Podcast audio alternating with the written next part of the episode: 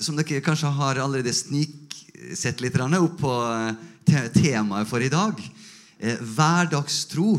Altså Erlend har jo allerede satt litt tonen i forhold til det med Babylon. Og Jeg vet ikke hvordan det var med det, men jeg regner med at når han tona til å begynne med det med Babylon, så var kanskje eh, en del kanskje lurte litt på hva, hvor skal vi hen nå?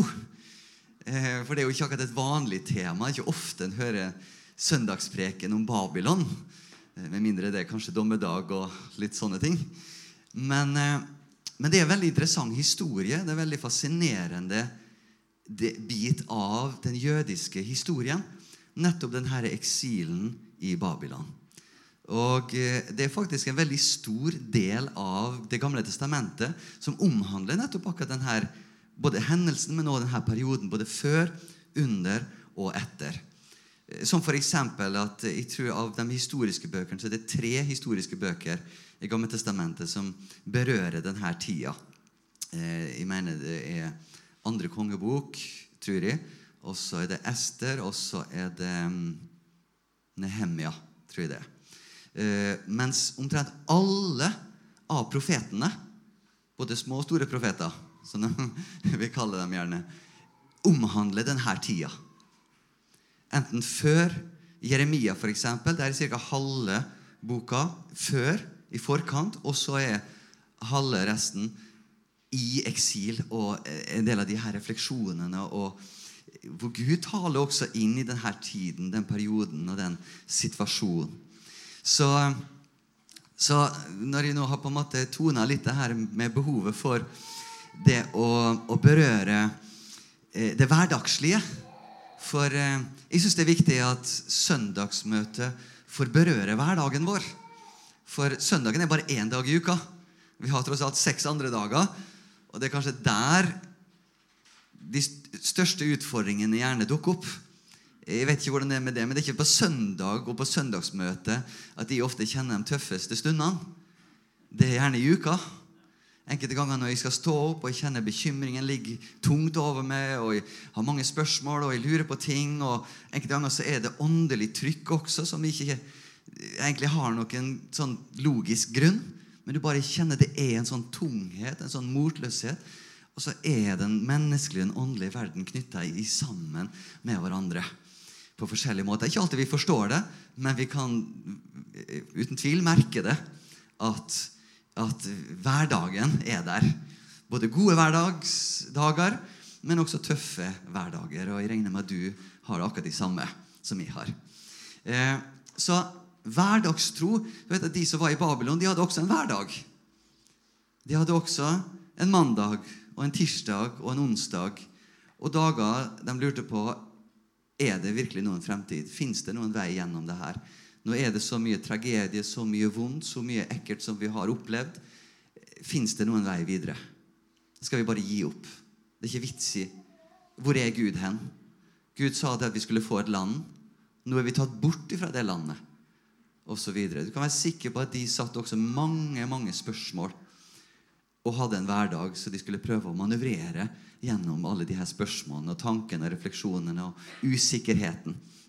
Kom i et land nå har det jo vært De siste årene så har det vært en, en sterkere fokus på det med flyktninger og det å reise fra det som er trygt, det som du har vært vant til, inn i en helt ny situasjon. Og vi har tatt imot mange i Europa og Skandinavia, og Norge og Sverige osv.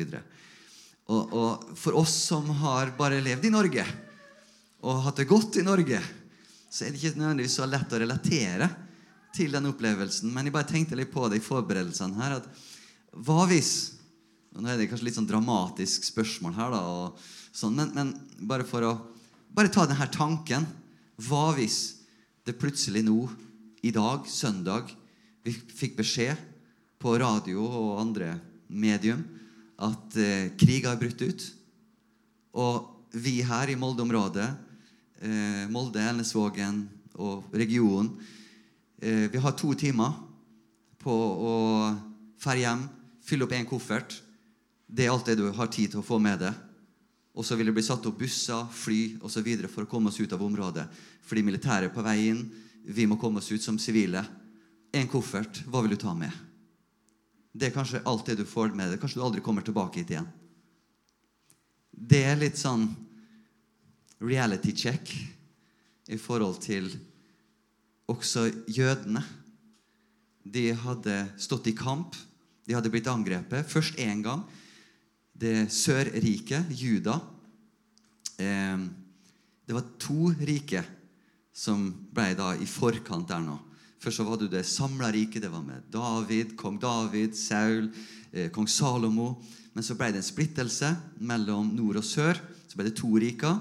I det øverste riket, altså Nordriket, i Israel, det som kaltes Israel det, I en sånn oversikt så kommer det frem at som, som jeg gikk gjennom mens jeg jobbet og forberedte meg, at i Nordriket for du vet at Hvis du leser både dommebøkene og du leser de her forskjellige krønikerne og Så, videre, så beskrives det de her kongene. Og at de gjorde det som var godt i Herrens øyne. Og så står det, det at det kom en ny konge, og han gjorde ondt i Herrens øyne. Og sånn gikk det. Men i Nordriket så gjorde han bare ondt. Så samtlige av kongene står det beskrevet at de gjorde ondt i Herrens øyne. Og Nordriket var det første som falt.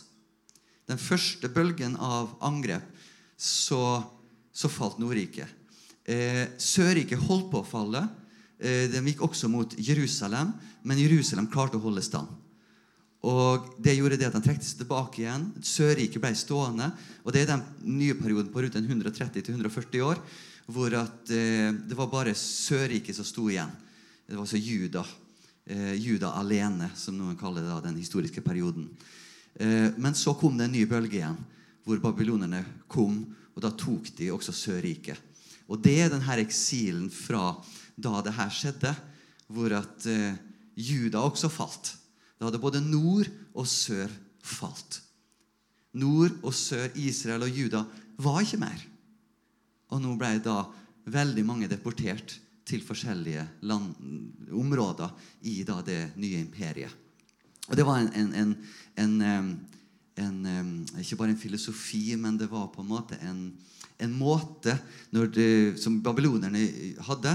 Når de inntok nye områder, så, så, spredde de på folket, slik at de skulle minske i forhold til mulighetene for opprør og, eh, og mobilisering osv. Så, videre, så du på en måte få blanda folket mest mulig, så, så vil det kanskje være lettere å kontrollere og få skape en ny kultur. En, en ny dynamikk som gjør at du kan få mangfoldet til å, å stå samla. Eh, og i det her, det her, så kommer eh, da denne eksilen, hvor det blir ført ut. Og så jeg bare skal vise en liten, liten video. En, en, eh, en, tjeneste som heter The Bible Project. Som tar forskjellige deler av Bibelen. Det kan være bibelske bøker, forskjellige hendelser. Og så lager de en veldig kort forklaring rundt det med litt tegninger og bilder osv. Den er på engelsk, men det er engelsk teksting. Så, så skal jeg gi en kort forklaring etterpå hvis at du også syns det kanskje var litt vanskelig å få med. Men jeg har lyst til at du, mange av oss eh, kan få det her med oss. Og det her handler nettopp om her, det som skjedde, Jeremias forklaring av det som skjedde i, fra, de, fra Jerusalem falt og Juda falt. Og da de ble tatt ut fra sitt land og ble ført videre. Og hvordan det her kan være relevant også for oss. La oss bare høre på denne her.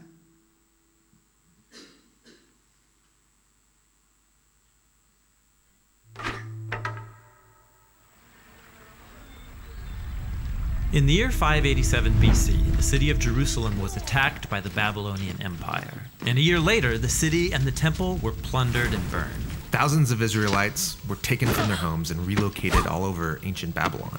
They became exiles. And so now they're a minority, surrounded by a new culture with new gods. Now, some Israelites chose to resist Babylon by revolting or withdrawing. Others gave in, adopting the Babylonian way of life and accepting these new gods as their own. And you might think those are your only two options, but the prophet Jeremiah told them to do something totally different and surprising to settle in, build houses, plant gardens, grow families, and most surprisingly, to seek the well being of Babylon and pray to the Lord on its behalf. So, this is like a third way. Yeah, it's not compromise or revolt.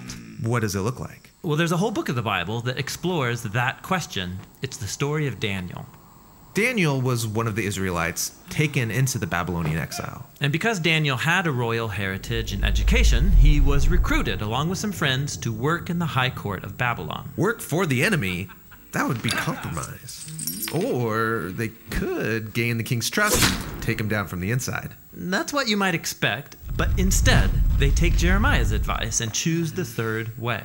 They serve the king of Babylon, taking on Babylonian names and even clothing style. So they seek Babylon's well being. But in doing so, aren't they just giving up their heritage? It could seem that way, but actually, they aren't. As you read on, the story focuses on moments where they draw the line, and they choose faithfulness to their God and resist the influence of Babylon. So, for example, Well, like when they're commanded to bow down to the idol of Babylon and give allegiance to the king as if he's a god. ah, they won't go that far. Right, this is where you see their true loyalty. It requires them to critique Babylon's idolatry of power, its arrogance, its injustice, but they do it non violently by laying down their lives. And so God vindicates Daniel and his friends for their faithfulness. So they would serve Babylon, seek its well being, but their loyalty was always to God. Yeah, this is what Jeremiah was envisioning. The way of the exile is a combination of loyalty and also subversion. So they're still exiles.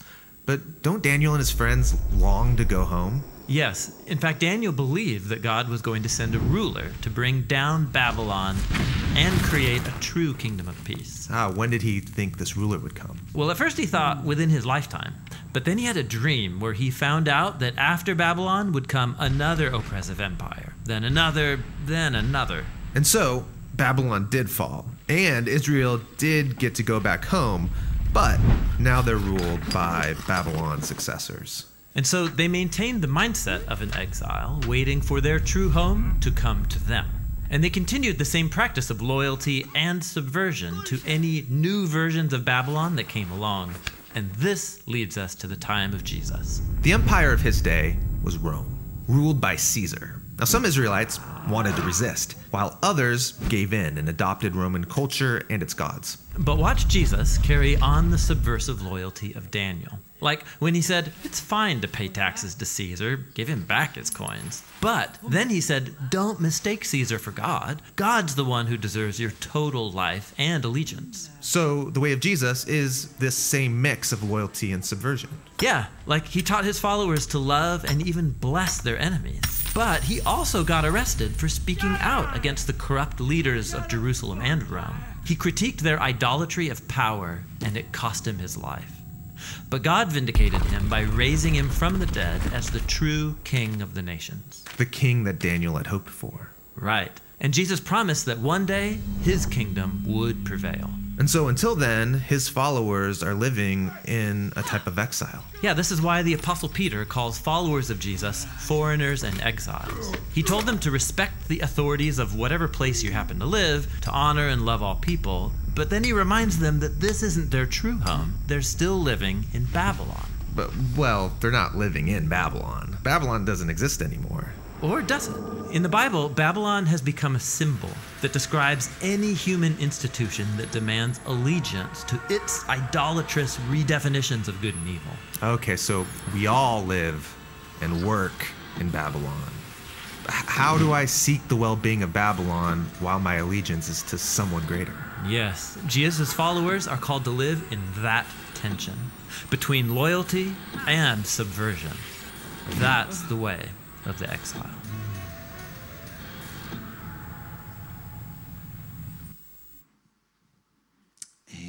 La oss bare vende oss inn for Gud i bønn. Himmelske Far, jeg bare takker deg for at du kaller oss til å følge det. Til å være Jesus-følgere. Til å være dine disipler. Og på samme måte som Jeremia talte til jødene som var tatt ut av den situasjonen som du hadde satt dem i tidligere, så talte du om en, en tredje vei, en, en tredje måte å, å være i eksil på. Med å tjene, med å elske, med å løfte opp, samtidig som de hadde sin tillit trygt festa til det.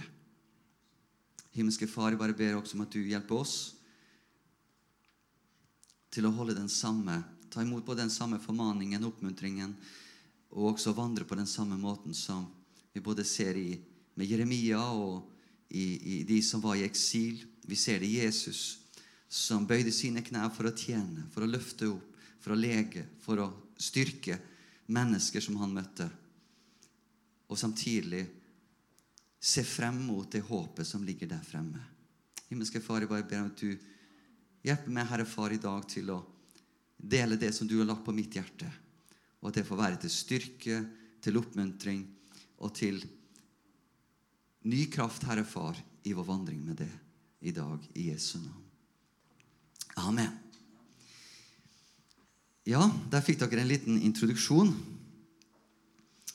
på eh, Babylon, og hvordan Babylon både er en historisk hendelse, noe som skjedde for jødene, men som også har relevans inn i våre liv, og som kan virke som en modell og som en, eh, et eksempel som vi kan kjenne oss igjen i i, vår, i vårt eksil, om du skal si det sånn. For jeg kommer kanskje litt mer på det her eh, seinere òg, men la meg bare si det her litt sånn innledningsvis.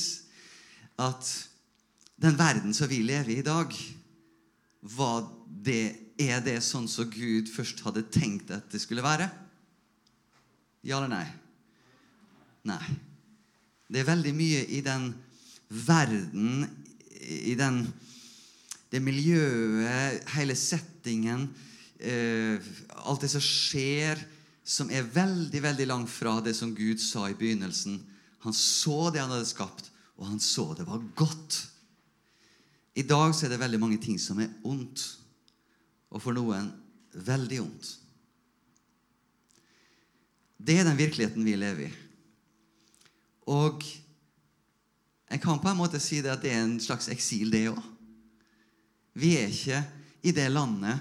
Det er ikke sånn som Gud hadde tenkt det. Men vi er, som både Peter skrev om, og som står i Hebreerne, at vi er på gjennomreise. Vi er på en måte fremmede. Vi er på en måte utlendinger, vi òg. Selv om vi er, hvis vi er født og oppvokst i Norge, så er vi norsk. Men på en måte så er vi ikke helt norsk heller. Hører vi Kristus til? Har vi tatt imot Kristus som vår frelser og vår Herre, så er ikke vår dypeste lojalitet og vår dypeste kobling med Norge, selv om vi kan være usigelig takknemlige for det livet vi både har og har hatt i Norge. Vi har så mye å takke for i Norge og som norske. Men allikevel så er det ikke der vår dypeste lojalitet ligger. Den ligger i Kristus. Og mot det håpet som ligger der fremme etter Norge kan komme og gå, og det har det allerede gjort. Det har vært forskjellig i Norges historie. Det har også vært litt forskjellig. Noen har, En periode så var det Danmark som hadde Norge, og så var det Sverige. og så Lenge før der igjen så var ikke Norge engang. Det var det bare småkonger og vikinger og så. Så land kan komme og gå. Men Kristus, han står uansett hva som skjer på denne jorda, hvor vi måtte befinne oss enn om ti år, hva, hvordan ting måtte se ut om 20 år, så er Kristus likevel den samme. Vi har det samme håpet, vi har det samme fundamentet, og vi har den samme tryggheten på innsida. Og det, jeg tror det er der hvor kanskje det er så vesentlig og Hvis en skal finne denne balansen mellom de her tingene, så må en på en måte finne det her balansepunktet med den tryggheten i Gud på innsida, samtidig som at en kombinerer det med et oppdrag mens en er her. Mens en er på gjennomreise, så ønsker jeg å sette igjen noen fotavtrykk på min reise her. Jeg ønsker ikke bare å gå gjennom denne reisa, denne eksilen. Jeg har ikke lyst til å bare gå gjennom Babylon uten at noen har helt visst at jeg har vært der en gang. Jeg har lyst til å, ved Guds hjelp og ved Guds nåde, set, legge igjen noe. Sette et fotavtrykk. Ikke fordi at de er noe fantastisk eller noe stort, men fordi han er så stor. Fordi han er så god. Selv dem som har gjort så mye vondt, og kanskje til og med vondt imot meg, som fange i Babylon, så er han fortsatt glad i dem. Han fortsatt elsker hver enkelt. Hver enkelt soldat, hver enkelt overgriper, hver enkelt synder. Ser du hvordan tematikken bringes over også inn i Nytestamentet? Før vi går videre, la oss bare lese om Jeremia. Jeremia. Dette er bibelverset som, som Erlend har tona for oss. Og det er i Jeremia 29.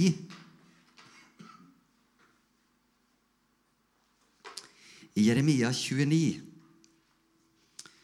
Og her er det da Jeremia som eh, profeterer, får et budskap fra Gud, og, og eh, sender det da i brevform til dem som er i Babylon.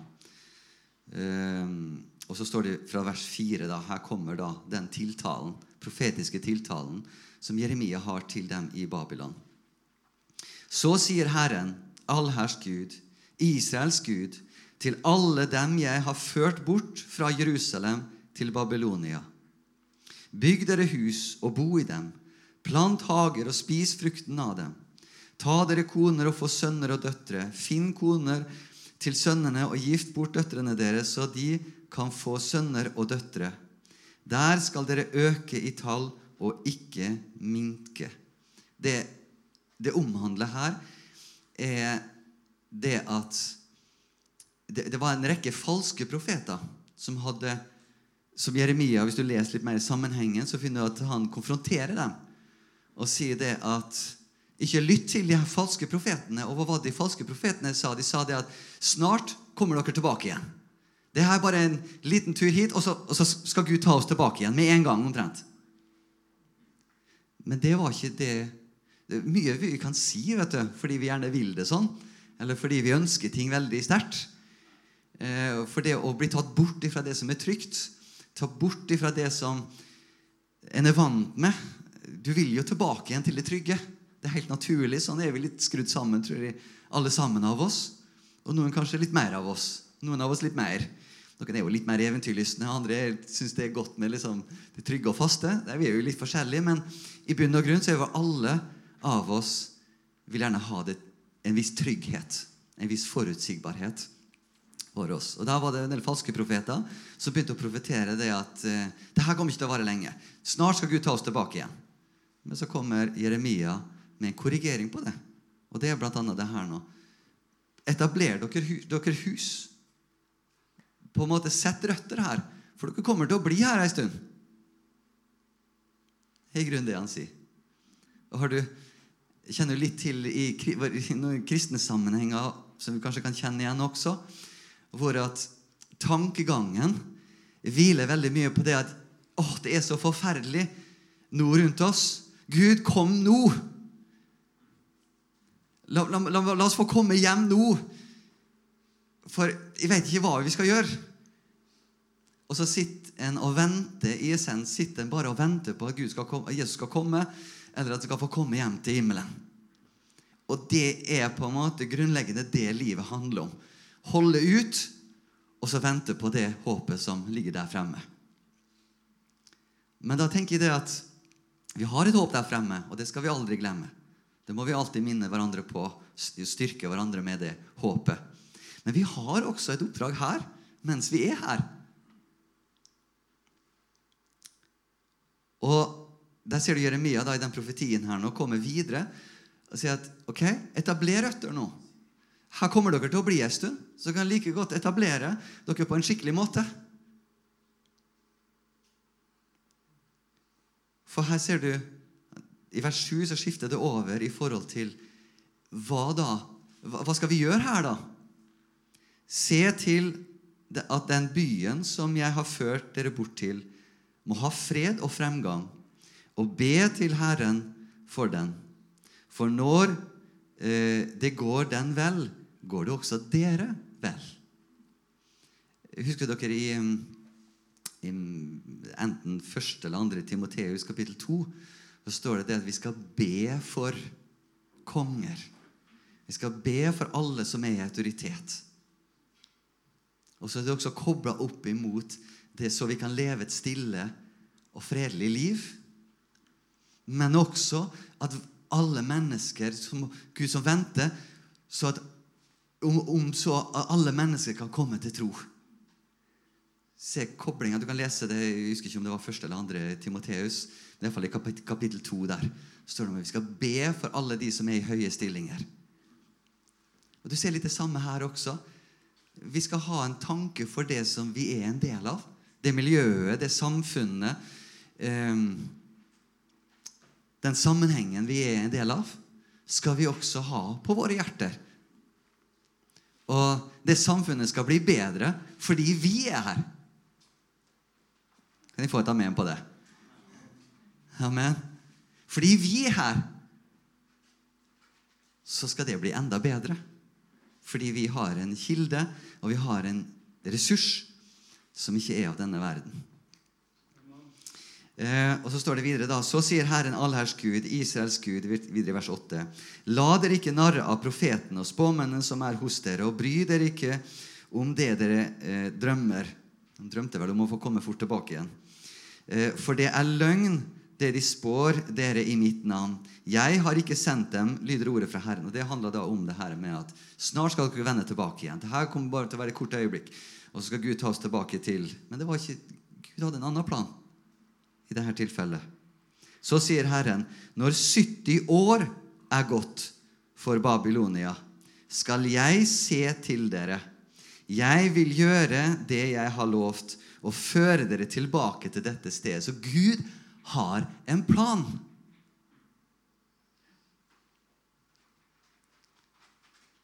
Så, og Hadde de dratt tilbake med en gang, så hadde vi for ikke kunne lest de historiene om David og Davids venner, f.eks. Og helt sikkert mange andre historier som ikke er blitt dokumentert. For jeg vet hvilke tanker jeg har med dere. Kjenner du igjen det verset der, eller? Hvor mange ganger har vi ikke sitert det litt uten å vite sammenhengen i det?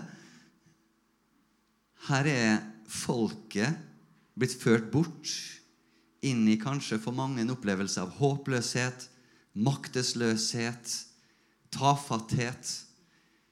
Eh, Mista fremtidsperspektivet. Hva skjer nå? Kommer det til å gå bra med oss? Kommer det til å bli forferdelig dit vi kommer? Hvordan, hvordan blir det her? Massevis av spørsmål. Og så kommer Gud midt i det vanskelige så kommer Gud med et budskap om håp. Jeg har ikke glemt dere. Nå kommer det til å bli en tid hvor ting kommer til å bli slik. Og sånn kommer det til å være en tid. Så sett røtter her nå, enn så lenge.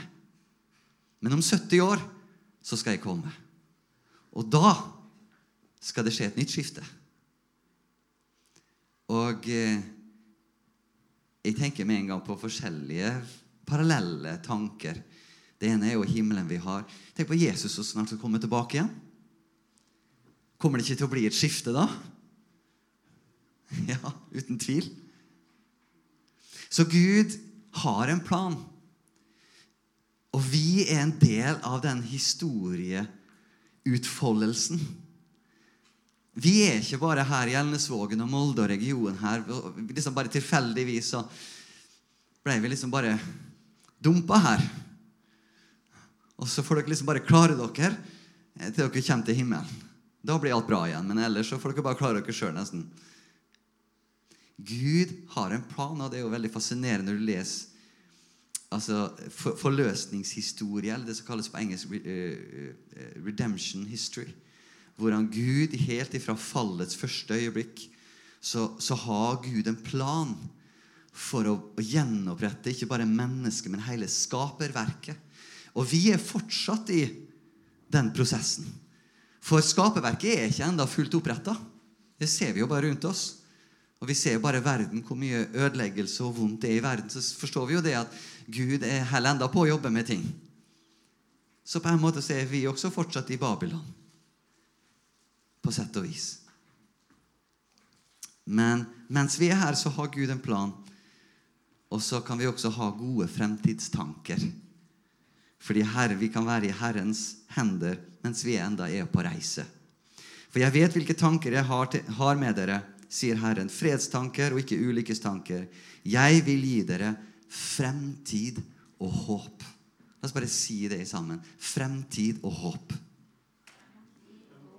Si det enda litt kraftigere. Fremtid og håp. Tror du det var godt å høre for de som var i Babylon?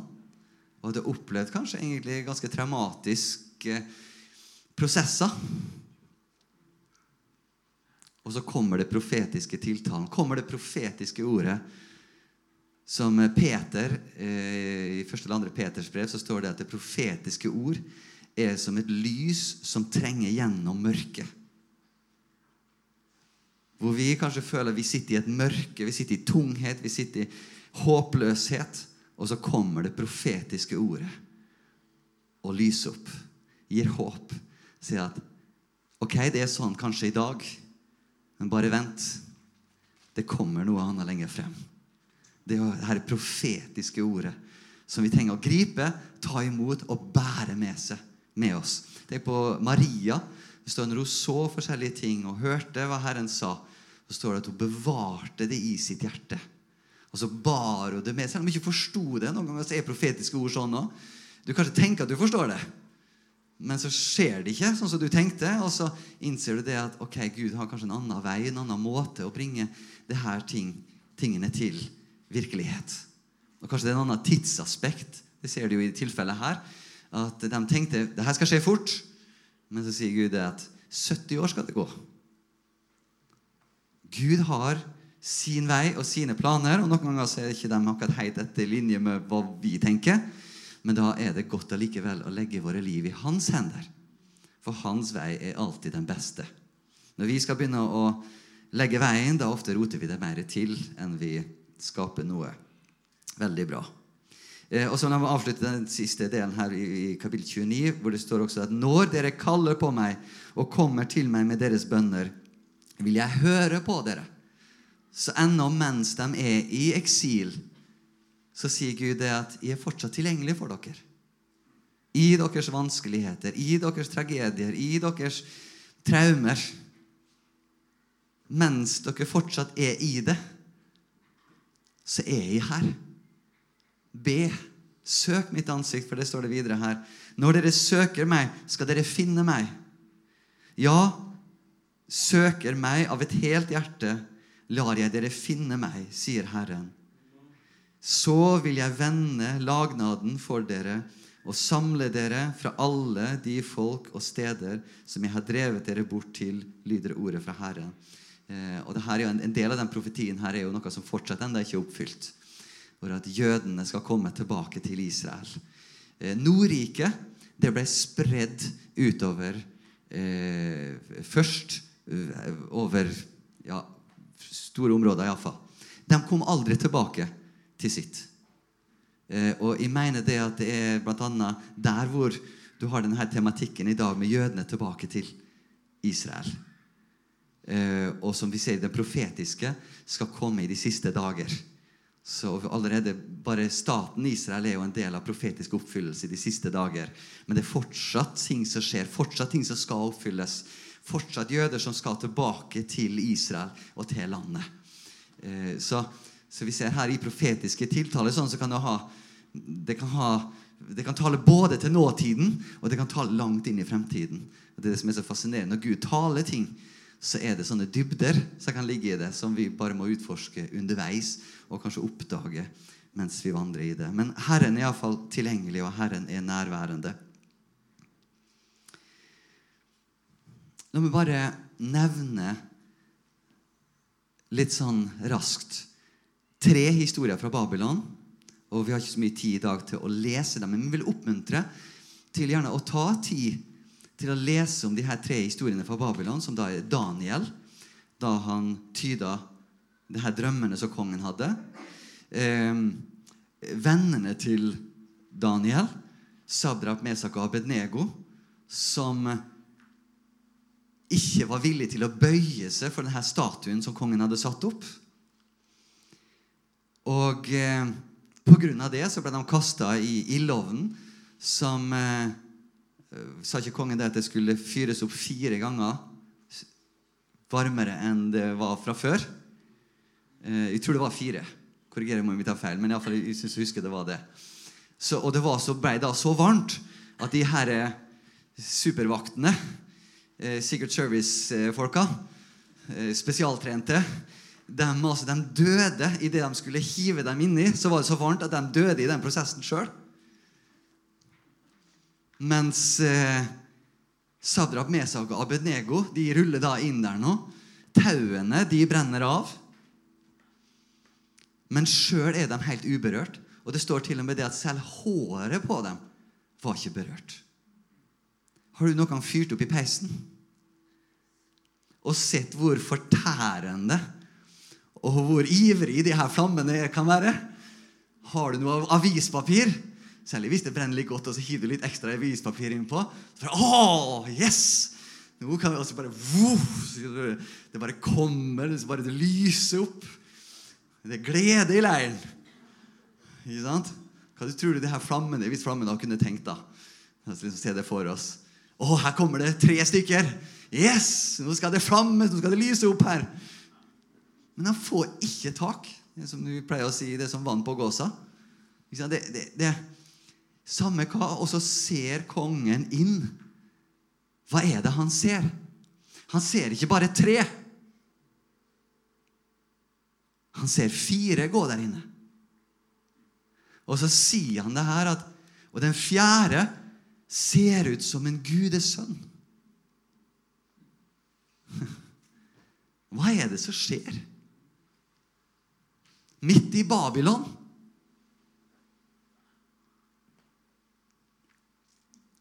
Og det her tror jeg kanskje er en av de tingene som vi òg må ta med oss i refleksjonen rundt Babylon.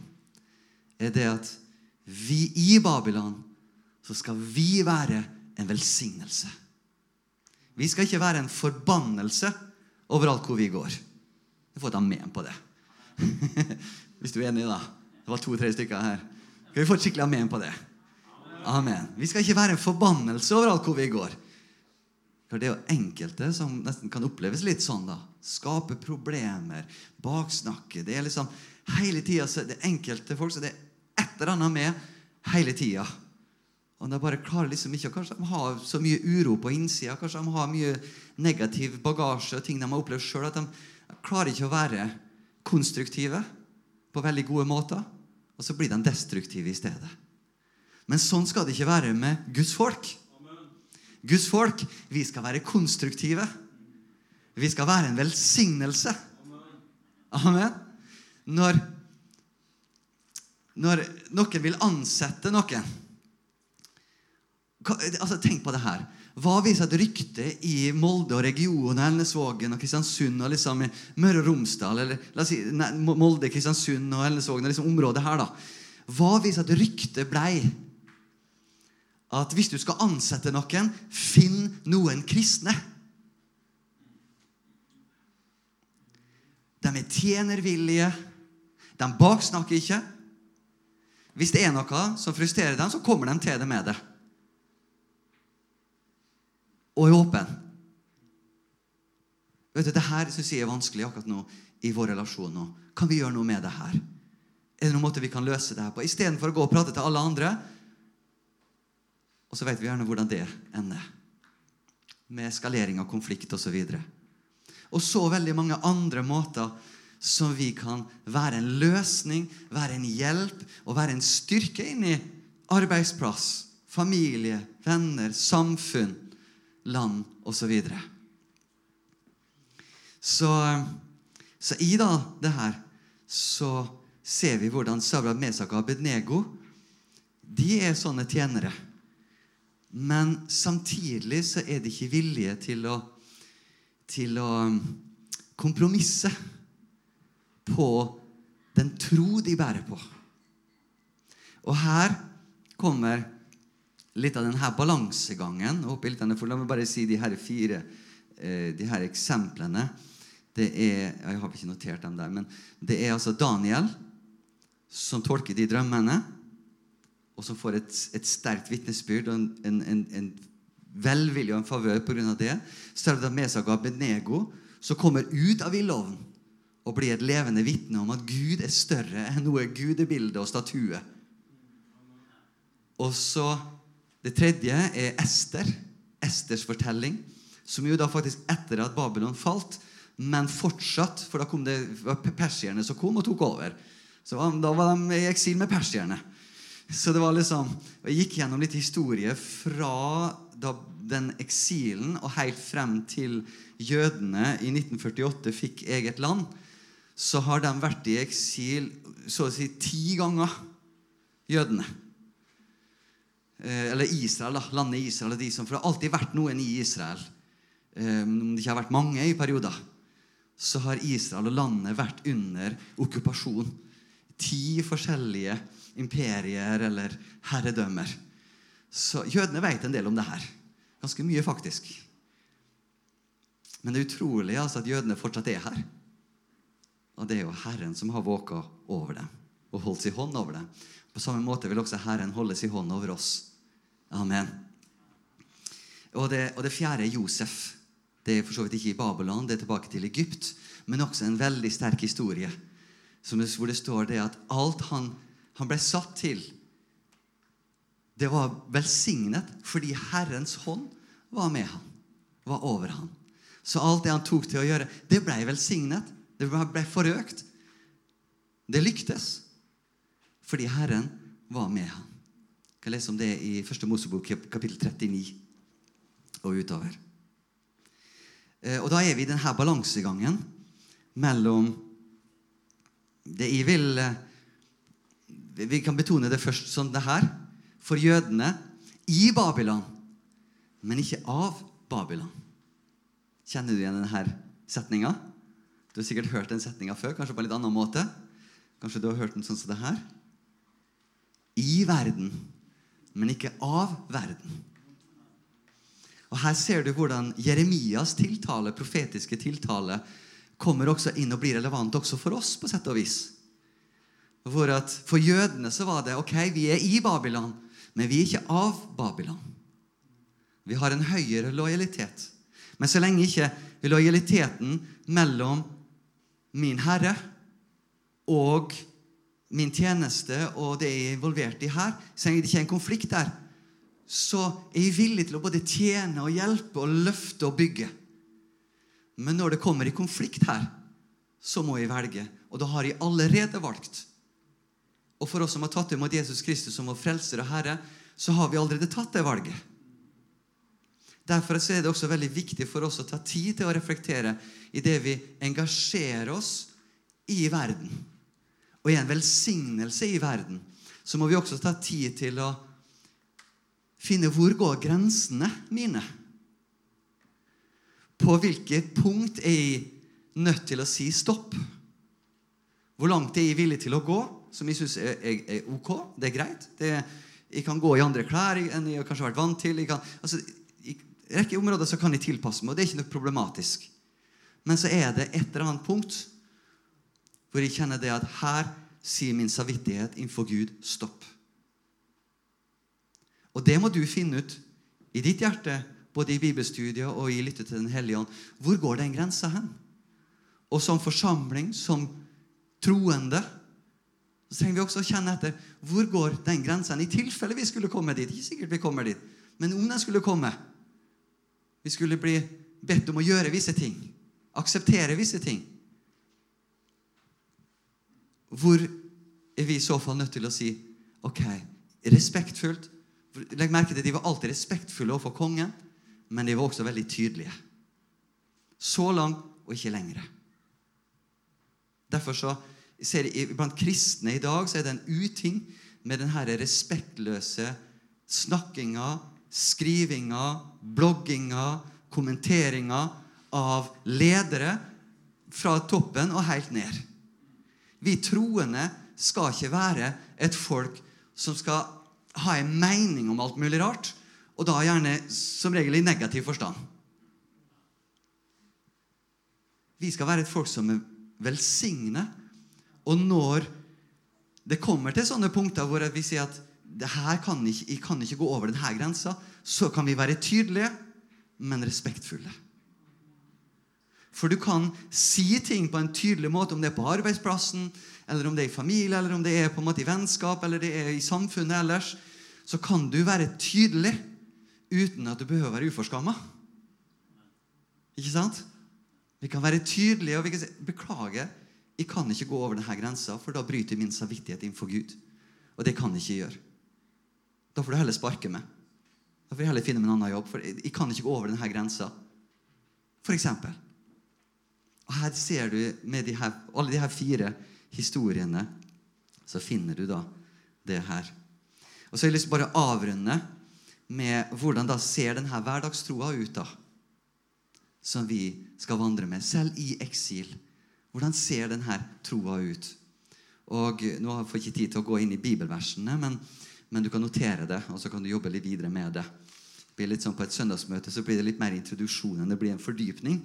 Men jeg håper i hvert fall at de har klart å legge igjen her i dag noen tanker som Den hellige har inspirert i ditt hjerte, som gir det styrke, gir det kraft og en nøkternhet i forhold til å vandre i denne verden, men ikke av denne verden. Finne det balansepunktet. Og det balansepunktet er noe som, det er et spenningsforhold som du hele tida må vandre i. Det er lett å bare være på ene sida eller på andre sida. Det vanskeligste er å stå midt på. Men det er liksom en sånn linedanser. Skal du holde, skal du holde, skal du holde det oppe i høyden, så må du hele tida jobbe med balansen. Og Sånn er det også i vår vandring med Gud. Noen ganger så utfordrer Gud oss til å leve i de her balansepunktene og de her spenningsforholdene. Så vil Gud hjelpe oss i den reisen. Og Da er det to bud vi skal summere ned til. Hvordan, hva er det viktigste i vår hverdag? Jødene de fikk ti bud med Moses som kom ned fra fjellet. Jesus la igjen to bud til oss i essens. Det er kjærlighetsbudet. Det finner du i Markus kapittel 12 og rundt 30 der. Kjærlighetsbudet. Du skal elske Herren din Gud du skal elske de neste som deg selv. De her to, to sidene av kjærlighetsbudet. Og så har du det andre budet. Det er misjonsbefalingen. Gå ut i hele verden og gjør disipler. Og hva sitter vi igjen med da? Og da tenker jeg at En sunn og sterk hverdagstro den er basert på rette motiv og rett motivasjon. Og de her to budene de gir oss rammene for hverdagsliv med både rett motiv, men også med motivasjon. Har du noen gang kjent det motløs? Det har jeg gjort. Og da trenger vi motivasjon. Da trenger vi Noe som motiverer oss, noe som løfter oss opp igjen. Hva er fokusen min? Hvorfor er jeg her? Hva skal jeg gjøre? Jeg føler meg så tom. Hva skal vi da fylle med? Motiv og motivasjon er en veldig bra ting. Og Det gir de kjærlighetsbudet og misjonsbefalingen. Og Jeg har summert opp på denne måten i tre deler. Elske Gud, elske hverandre og elske alle mennesker. De her to budene i tre retninger. Vent oppover og elske Gud. Vårt hverdagsliv når vi står opp om morgenen og vi legger oss om kvelden, ellers hva vi fyller dagen med, å, jeg bare ønsker å elske deg mer, Jesus. Hold meg.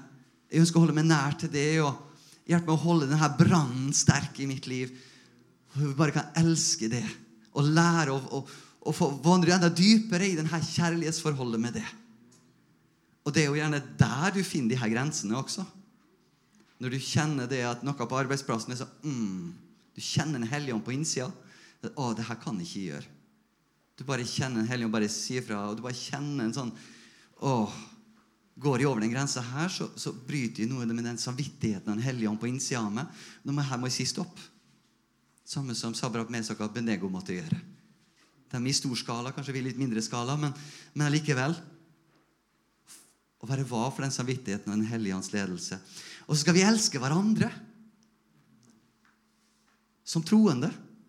De nærmeste familie, venner og menighet. De som er en del av familien. Også menighetsfamilien. Vi elsker hverandre. Og hvilke bedre vitnesbyrd er det ikke for de der ute som undrer seg litt over oss? Vi er jo litt annerledes, og det er greit, vi får være det. For jeg håper at de syns at vi er annerledes på en god måte. da.